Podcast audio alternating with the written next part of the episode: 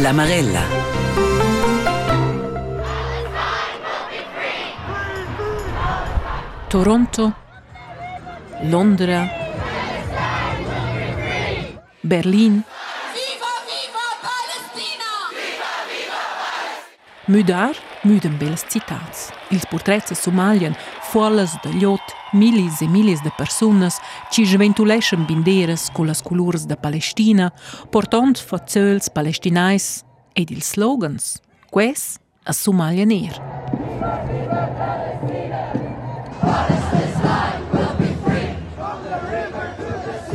La nova guerra il prossimo riain dominesce ces, vitas, linges grassas la rait tot, asaia l'impression.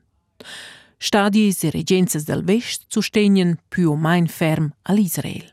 La Turcia, l'Iran e stadis arabs sostegnen più o mein ferm la cosa palestinaisa, minciun qua ci serva a ses interess. Ils protesti ils püdedots, sun vie di la rait as dritzen impostut contra l'Israel. Israel ed USA quants popins vavet morderia. Contra sia armada ci furiesce con tot sia pusanza militara tras la stribla da Gaza.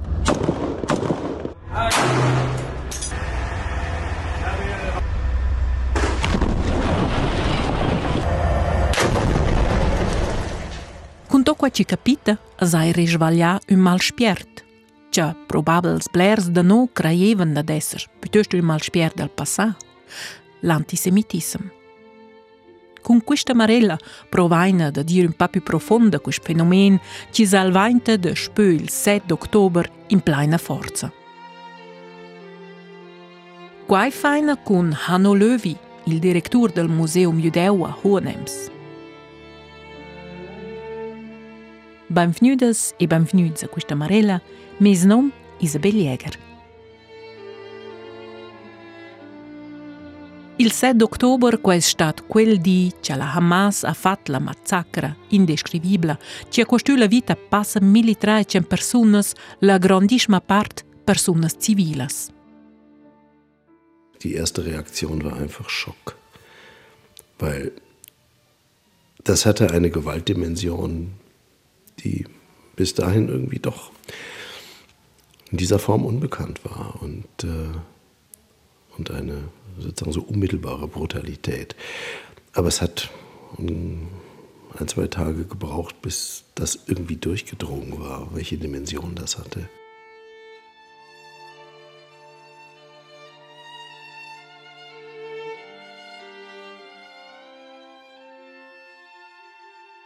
Lucy Lipiner è una donna viscola, malgrado ses 90 anni.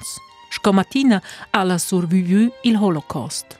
Questo ton, quintla di una televisione americana, ha la fat mudata ad Israel. Lucy is a Holocaust survivor who just a month ago decided to move back to Israel. Von viaggi a Hohenems, beiusta da dor il confin svizzeril for Adelberg, naia moi l'oraglia, si domanda ce las fa, ce las feccia fin già tot sia vita, quintla. There is no more than 15 million Jewish persons. And why have we been so persecuted over centuries and millennia? Perché mania quis piccin pövel judeu davar 15 milions personas perseguità daspö centiners, daspö millenis. Hohenems, il centro della cittadina. Un uert con grande boscia veglia e di mezzaint il Museum Judeu da Hohenems, situato su quattro plans in una villa signorila. I mezzi il grigie bletch de november liugen sies fenestras, liugen l'inscrizione jelga caffè. Be justa da daintusch, mai sinnas per as placiare star da compagnia, a snestra, cuda geras fin su sot il ciel sura, a dreta savura da caffè. Wie der Krötschs penden diverses Gazettes. La Vorarlberger Nachrichten, la NZZ, la Frankfurter Allgemeine, la WOZ, la Jüdische Allgemeine, un lö per s'incontrar, discutar, es formar. Un museum ci ciura con Hanno Löwy ses directur activamaing ebe forza da spö ons il dialog e l'intermediazione. Intanto il direttore Hanno Löwi es am occupant in ses bureau, tant cudes, sbigadas de fölls ed incumbenzas, fa una delle intermediaturas una quarta gita con mai. Ed a mossa una casa ci ciura da spö passa 30 ans nabe l'istorgia judeua, ma impostüter la convivenza contemporanea con tutta sort sportes. Gabriele Morscher Quinta. Ich mache gern Führungen in der Dauerausstellung, Sonderausstellung, Viertel, Fluchtwege und Friedhof. Und für Kinder und Jugendliche bieten wir Workshops an. La villa in la quale c'è non srecciataim di renuda fabbricata del 1864 della famiglia da fabbricanti judeua Heimann Rosenthal. Ci viveva qua fin il 1938 finché l'ultima della famiglia era nuda deportada an ils Champs d'Extirpation Lost. Ja, man hat dann äh, versucht in den 80er Jahren diese Fabrikantenvilla, die die Stadt erworben hat, zu adaptieren. Man hat zuerst gedacht, es gibt vielleicht ein Standesamt oder ein, ähm, was weiß ich, ein anderes Amt oder eine Behörde wird da Einzug halten. Und dann hat man sich der Geschichte, der jüdischen Geschichte besonnen und hat aus dieser Villa das Museum gemacht. Und Hohenems hat eine reiche jüdische Geschichte. Hohenems hat eine sehr lange äh, jüdische Geschichte, das stimmt, also von 1617 bis 1938. Il 7 ottobre spievla er il Liot ci viene a visitare il museum, quinta Gabriele Morscher. Jetzt äh, ist es so, dass wir in Workshops natürlich auf diesen Nahostkonflikt eingehen. Die äh, Schüler sind und Schülerinnen sind informiert Social Media informiert, man versucht beide Seiten herauszuarbeiten, aber es ist jetzt nicht so, dass die ganz nahe dran wären. Scleriment quasi quai cem spet del directur da Hanno Löwi e la domanda delle medias sociales, della guerra dels portrets, quella piglia eriusta con mai. Il manader del Museum Judeu es publicist e scienziada literatura e medias. Un om da passa 60 ans e da fatta ningiuna mi da parairs massa simpel so, declarazioni superficialas, quai bada fin già pro la prima domanda, quella da wo cecia antisemitism sia insomma. Das klingt nach so einer einfachen Frage. Antisemitismus sind natürlich zunächst einmal, wenn man sie einfach definieren will, negative Vorurteile, Fantasien, Ressentiments, Verschwörungsfantasien, über Juden. Das, was die Auseinandersetzung mit Antisemitismus schwierig macht, ist, dass das Verhältnis zu dem, was Leute als Juden bezeichnen, als Juden fantasieren, als Juden wahrnehmen, eine sehr tiefgehende quasi Grundierung in der gesamten europäischen, christlichen und auch islamischen Tradition und Zivilisation besitzt. Cun Ciafuol manaia hanno lövier Ciafuol ed ella maina in avo ant ils millenis in temps del Vel Testament. Schizzescha l'istorgia del Prossimo Orient, una region strategica tanto ils continents, ci svalieva d'una dercel interesse da pusanzas grandes. In giocel judaism dera fin già, curcel Christianism approvada fichar pe. Mit dem Christentum kam etwas in die Welt, eine, eine Zivilisation, eine, eine Weltbewegung, die das Judentum für sich vereinnahmt hat und von Anfang an in einer zweideutigen Beziehung zum Judentum stand. Das Christentum hat das Judentum als seine Wurzel betrachtet und sich selbst als der Baum definiert, der auf dieser Wurzel steht. Und das heißt, dass das Christentum ohne das Judentum nicht existieren konnte, aber auch nicht ohne die Abgrenzung vom Judentum existieren konnte. Und diese Ambivalenz, diese Mehrdeutigkeit konnte sich äußern in heftigster Abgrenzung und diese heftigste Abgrenzung brauchte Legitimität, brauchte also auch Belege. Und damit war der Antisemitismus natürlich ein, ein, ein, ein Bestandteil, weil wenn man sich von etwas absetzen will, äh, dann braucht man Gründe. Und äh, aus dieser Bewegung entstanden die unterschiedlichsten sozusagen antisemitischen Projektionen und Vorurteile. E l'ura es rivada la terza grande religione monoteistica. Und mit dem Islam bekam das Christentum dann auch noch Konkurrenz in der Frage, was die richtige heilsgeschichtliche Konsequenz aus dem Judentum sei. Und das heißt, alles, was in dieser Weltgegend des Nahen Ostens passiert, hat für Christen in der Welt, egal wo sie leben, aber auch für Muslime in der Welt, egal wo sie leben, ähm, wenn sie religiös mit, dieser, mit diesem Konflikt umgehen, irgendwie eine heilsgeschichtliche Bedeutung. Das ist alles wichtig. Dels centiners quinta hanno lövi aia l'antisemitism surni ad una de facetas. Der Antisemitismus, der dann noch viele andere sozusagen Schichten bekommen hat, von Neid gegenüber einer erfolgreichen Minderheit, als Instrument äh, diese in Europa und anderswo in der Welt überall lebende Minderheit zu kontrollieren, ihre Entfaltungsmöglichkeiten einzuschränken, ähm, sie entwürdigenden, diskriminierenden Gesetzen und, und, und äh, sozusagen Herrschaftsinstrumenten ähm, auszusetzen. Ähm, die Säkularisierung des Antisemitismus als einer säkularen, quasi äh, nationalistisch, ethnonationalistischen Heilsperspektive, die in den Vernichtungsantisemitismus des Deutschen Reiches gemündet ist.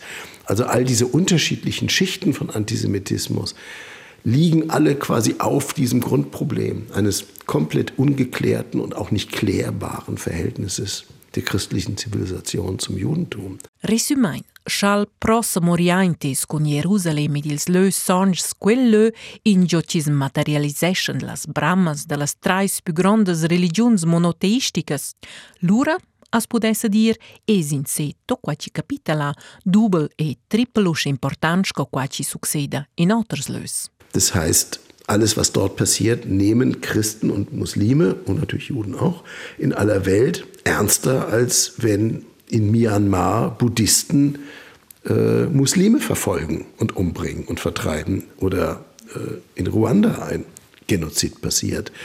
Ähm, weil auf dieser mytholo mythologischen, zivilisatorischen, religiösen Ebene äh, Christen, Juden und Muslime per se eine Beziehung zu diesem Ort haben. Aus dieser, wenn man so will, oft unangemessenen Betonung dessen, was dort passiert. Weil das Unrecht, das dort geschieht, bis hin zu den Verbrechen, die dort geschehen, sind im Weltmaßstab wenn man einfach nur von dem Leiden von Menschen ausgeht oder von Zahlen ausgeht, was, was schwierig ist, ähm, ja nichts Besonderes. Anderswo leiden mehr Menschen als dort. Leiden Menschen unter noch viel just. So, das ist ungerecht. Das ist mal ungerecht gegenüber den einen und mal ungerecht gegenüber den anderen. Aber auch das ist nicht unbedingt Antisemitismus. Aber es kann sich sehr schnell mit Antisemitismus aufladen. Das ist wie eine schiefe Ebene.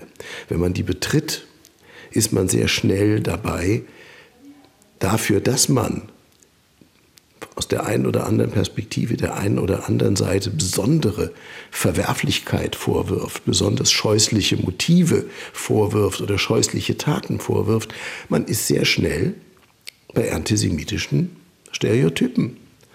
Und man ist übrigens auch sehr schnell bei rassistischen Stereotypen, wenn man über die Palästinenser redet.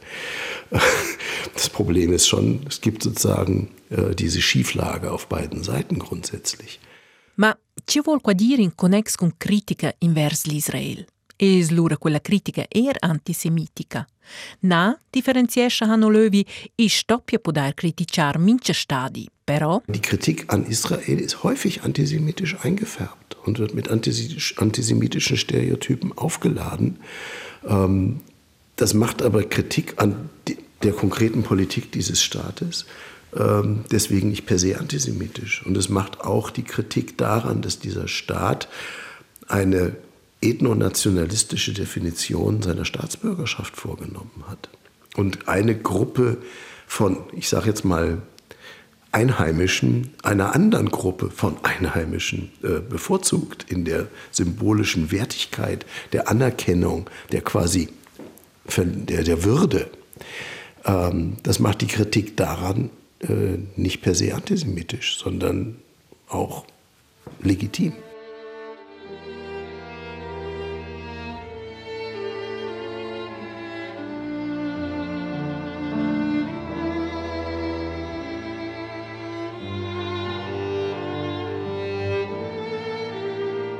E l'ora es nu il 7 d'october.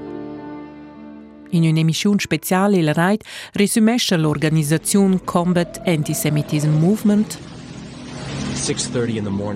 la Hamas ha cominciato con un attacco di rachetes, non una solita, ma una che è svantata al digiol da mincia cittadini. La 7.30 terroristi invadano Israele con autos e tufs.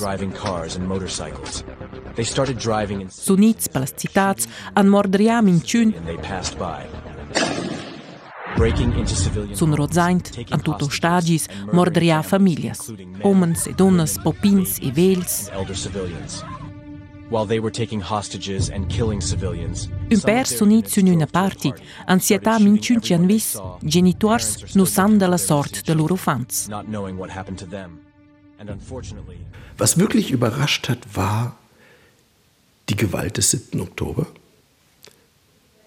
Das waren Massaker, die wenn man es in einem Wort versucht zu beschreiben, die ersten, das erste Pogrom des 21. Jahrhunderts war, mit einer ganz offenkundigen genozidalen Dimension. Also sind einfach Krieger über diese Grenze gekommen und haben gezielt Familien, Zivilisten, Menschen ausgelöscht. Und zwar solange sie konnten, jeden, den sie konnten.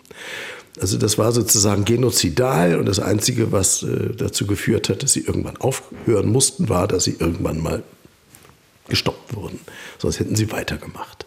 Also das, das haben wir in dieser Form, zumindest in diesem Konflikt, eigentlich nicht erlebt. Zunächst mal, dieser Schock sitzt tief in der israelischen Gesellschaft, aber auch in den jüdischen Gemeinden überall in der Welt. Und dieser Schock ist deswegen so besonders tief, weil er etwas zerstört hat, was eigentlich zum Gründungsmythos des israelischen Staates gehört und auch, ich sag mal, zum Bewusstsein vieler Jüdinnen und Juden in der Welt, nämlich dass dieser Staat selbst wenn man nicht dort lebt, der sichere Hafen ist, in dem man sich flüchten kann, wenn es irgendwo in der Welt wieder Antisemitismus gibt, der so dramatische Formen annimmt, dass man fliehen will. Das ist eine tiefsitzende alte jüdische Erfahrung, dass man ab und zu den Ort verlassen muss, an dem man lebt, selbst wenn man sich eine Zeit lang in Sicherheit gewogen hat, gewiegt hat, ähm, dass man woanders hin muss. Analisescha Hanno Löwi il direttur del Museum Judeu de Hohenems. Per la comunanza judeua no dai di mena pün in giun lös giur sul mond. Anzi, l'Israel svessis vantai lö del più grand pogrom del 21 centinaire. Del prim grand pogrom del 21 centinaire, coccia Hanno Löwi dis, dont in visto scea l'esperienza storica judeua ci desbuolada da spe millenis de pogroms. Pro quist schock niemand secund, quinta Hanno Löwi. Der zweite Schock war der, wie wenig viele Menschen, viele andere Menschen davon begriffen haben. Also das ist eigentlich, dass mit diesem Schock Jüdinnen und Juden auch zunächst einmal sehr alleine waren. Dass es eigentlich wenig Empathie gab. Ne? Also erster Mensch, der hier angerufen hat und gefragt hat, wie geht's euch? Hier im Museum war eine muslimische Freundin, die hier so eine muslimische Jugendgruppe leitet, mit der wir zusammenarbeiten. Ähm, aber sonst gab es nicht viele Leute, die sich erkundigen, wie geht es uns hier eigentlich damit. Und diese Empathielosigkeit ist keine Boshaftigkeit, sondern diese Empathielosigkeit hat wieder etwas damit zu tun, dass eigentlich für die meisten Menschen der Welt die Menschen, die dort leben, die jüdischen Israelis und die Palästinenser, eigentlich Spielfiguren sind in ihren Fantasien darüber, wie die Weltgeschichte zu verlaufen hat. Das heißt, für die konkreten Menschen vor Ort, und damit meine ich jetzt eben nicht nur die Israelis, die jüdischen Israelis, sondern auch die palästinensischen Israelis und die Palästinenser in den besetzten Gebieten, für die interessiert man sich nicht wirklich. Wenn man sich wirklich für sie interessieren würde, dann würde man nicht die ganze Zeit auf Facebook irgendwelche Horrorfilme teilen, ähm, mit denen man nur sich selbst wichtig macht, aber den Menschen dort überhaupt nicht hilft. Qua incontraina di mina las media socialas, quelles ci procureschen percia la guerra dels portrets ven combattuda su mince telefonin da minciura e con ils portrets ils püs grisaivels direct e senza ciura, ne per quest ci vegna mossats, ne per quest ci tils guardan. All diese Filmchen, die jetzt irgendwie auf TikTok und Facebook und Instagram und ich weiß nicht was gepostet werden und in denen es natürlich jetzt mittlerweile im Wesentlichen um Gaza geht und um die zivilen Opfer im Gazastreifen, die entstammen nicht einer Solidarität mit den Menschen im Gazastreifen, sondern die entstammen dem Wunsch, das Leiden dieser Menschen zu missbrauchen. Und das war von Anfang an das Kalkül von Hamas. La Hamas, un movimento islamistic, ci des in concorrenza con otras gruppa somagliantes per la predominanza del Mont Islam, con intent poco clar invers l'Israel. Deswegen gehört ja, zur Charta der Hamas tatsächlich auch die Vernichtung des Staates Israel. Darüber gibt es gar keinen Zweifel. Bis jetzt war das sozusagen ein bisschen hypothetisch, in Anführungsstrichen. Am 7. Oktober haben sie gezeigt, äh, was das heißt, diesen Staat von der Landkarte zu wischen. Das heißt, in Dörfer zu gehen und nacheinander die Menschen umzubringen. Also Hamas ist in einem, ich sag mal, Konkurrenzkampf um Vorherrschaft in der islamischen Welt. Das, was sie tun, ist, sind Aktionen, mit denen sie versuchen, die Loyalität anderer zu erzwingen. Und um das zu erreichen, brauchen sie möglichst viele tote Palästinenser. Und möglichst viele tote Palästinenser kann man nur bekommen, wenn man Israel so angreift, dass es gegen den Gazastreifen militärisch vorgehen muss. La stribla da Gaza è un dels lös più popolats del mond e per quai guerra là impossibile senza copparli ot innocenta, zont scha quella niamo maldovrada in maniera dubla Quinta Hanno Löwy. Die Hamas lässt keine Chance aus, die Palästinenser im Gazastreifen nicht nur als ihre Schutzschilde zu missbrauchen, sondern als sozusagen menschlichen Rohstoff für ihre Propaganda zu missbrauchen. Il sguard de las novitats sulle vias e di la reit mossa, quis quint va su. Das sind Profis, die sitzen in Katar und sonst wo, haben es gemütlich und produzieren TikTok-Videos von toten Babys das Zynischste, was man sich vorstellen kann. Mit dem Ziel, Menschen zu emotionalisieren, gegen Israel aufzuladen, und zwar sozusagen in einer Weise, die auf einen Vernichtungskrieg hinauslaufen würde. So, das ist sozusagen die eine Seite. Auf der anderen Seite haben wir eine israelische Politik, die keinerlei Perspektive bieten kann für die Menschen im Gazastreifen und in den besetzten Gebieten in der Westbank bis jetzt und keinerlei Plan hat für ein Danach. Und auch das ist etwas, womit die Hamas natürlich zynisch spielen. Und insofern auf der sozusagen den Propagandakrieg hat Hamas jetzt erstmal gewonnen.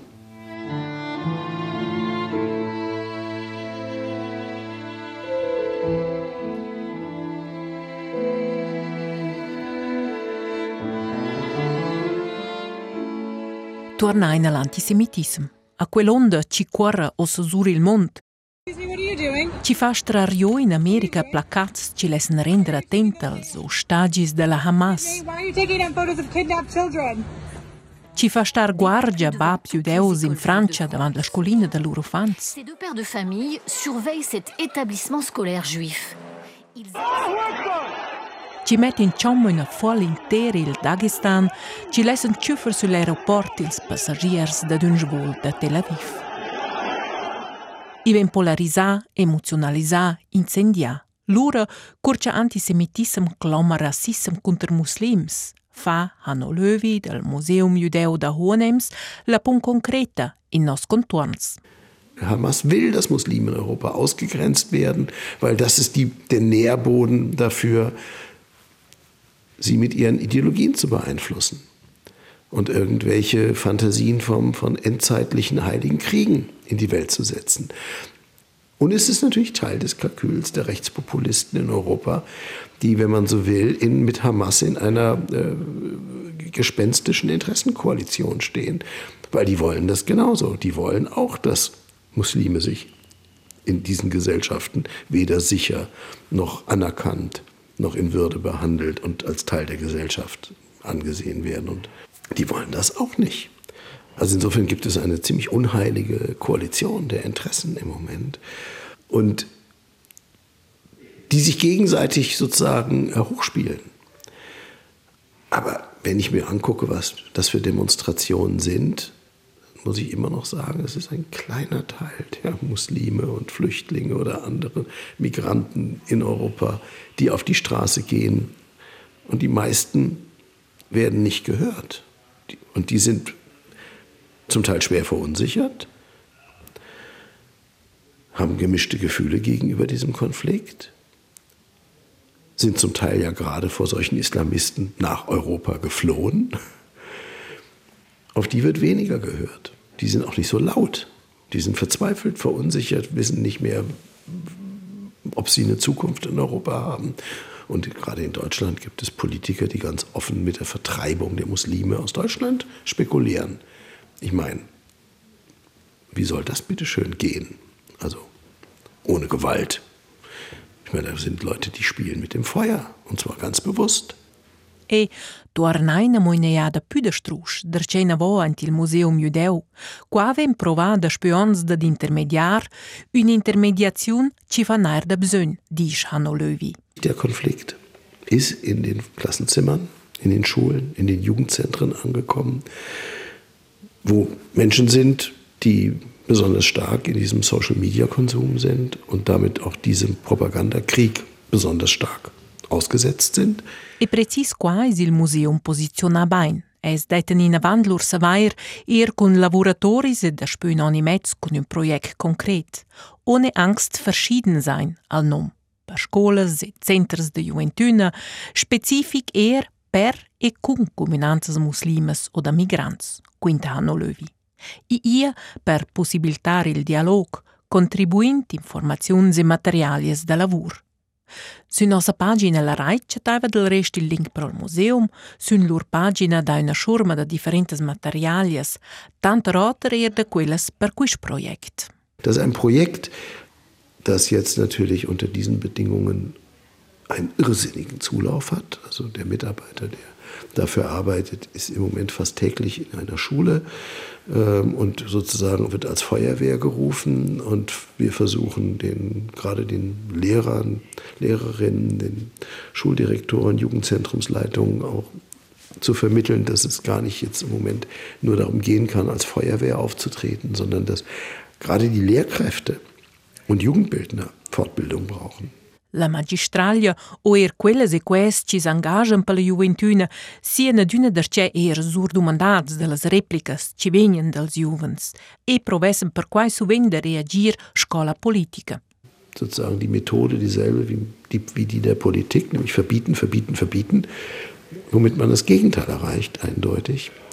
Vor allem dann, wenn man damit gleichzeitig deutlich macht, dass man die Menschen, die sich vielleicht, wir reden jetzt von 15-Jährigen, vielleicht einseitig bis manchmal auch fanatisch äußern, das in der Regel tun, weil sie mit diesem Konflikt selber nicht fertig werden.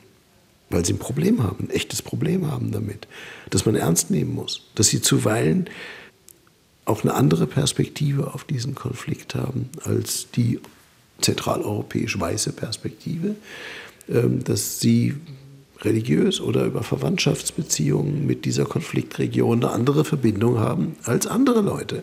Und dass das legitim ist, dass sie deswegen einen anderen Blick haben. Was nicht heißt, dass der Fanatismus legitim ist oder antisemitische Propaganda damit rechtfertigt werden kann. Im Gegenteil. Aber man muss sich in eine echte Kommunikation mit den Menschen begeben, wenn man dagegen angehen möchte. Resteinprol tema da comunicazione convivenza in il museo, ma mit ein lö. Jain jo de las cialas ant il schler de la villa Heimann Rosenthal. Zodvots in crujats Alps es qua l'exposizion A Place of Our Own, che si podesse tradurre con Una casa per noi.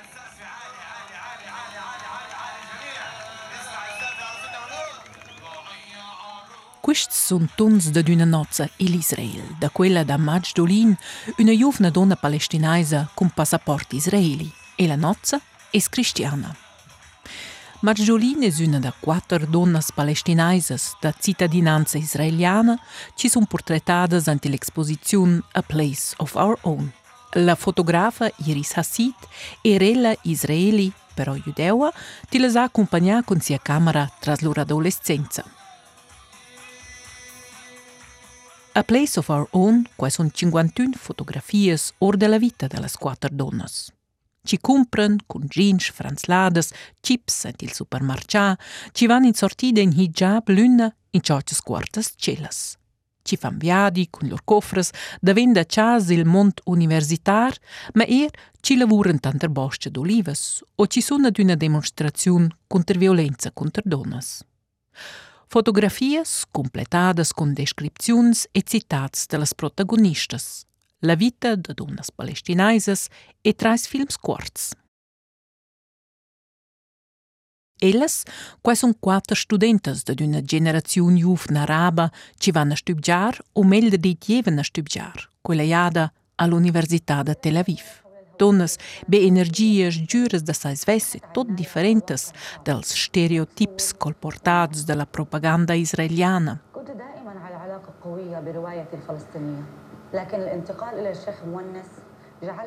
In mai era gnüda averta l'exposizione, con la fotografa e sies protagonistas, una de delas, Samar, veva fin già quinta quella iada qindusirë një mje shtatë simpël dhe dhe sfidar shko palestinajza dhe lideja dhe dy në fotografa judeua.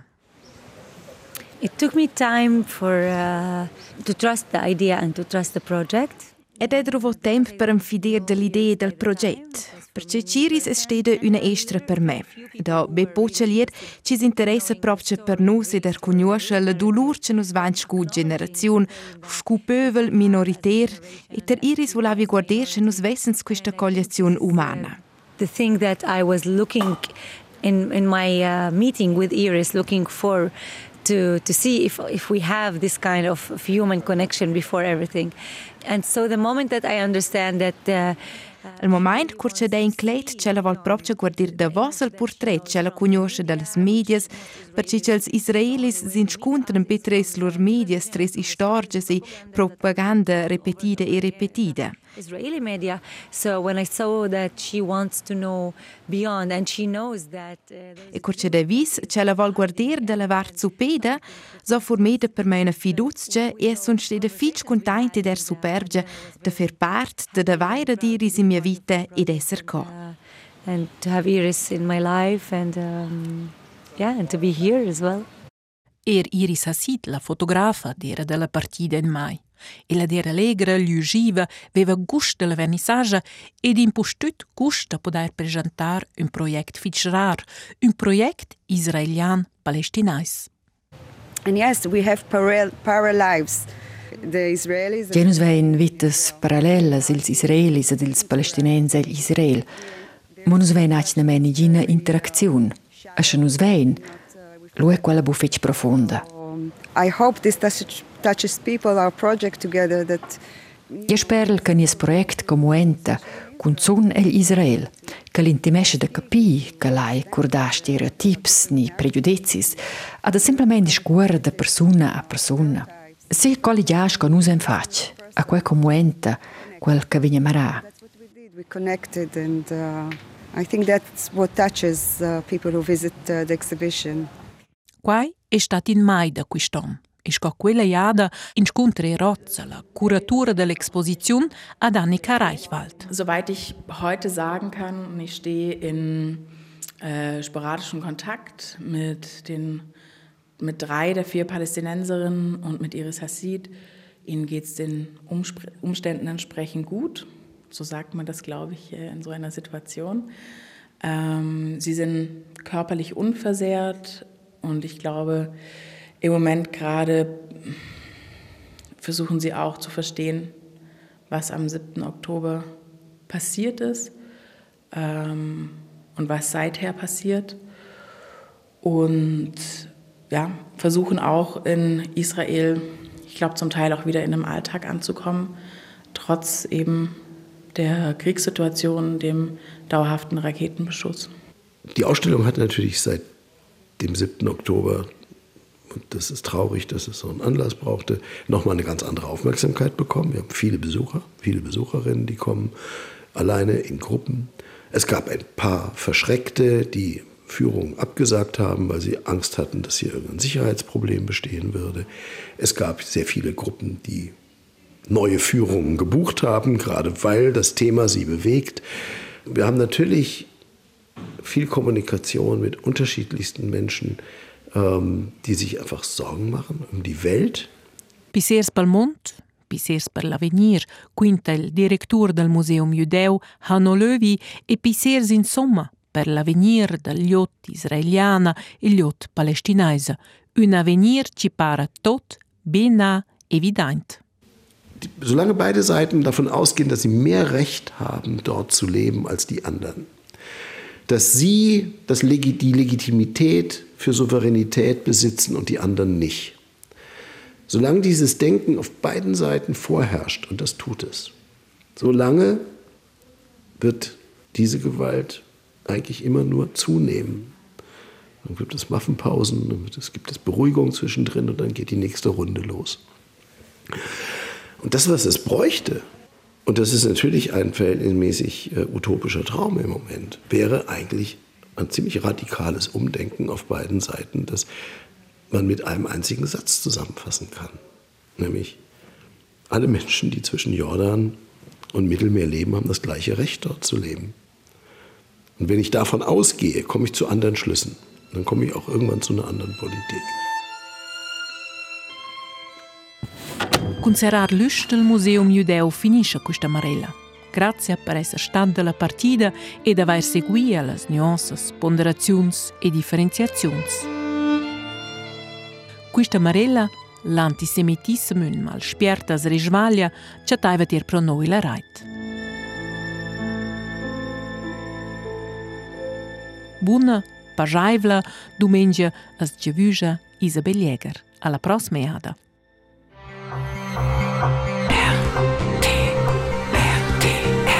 La Marella.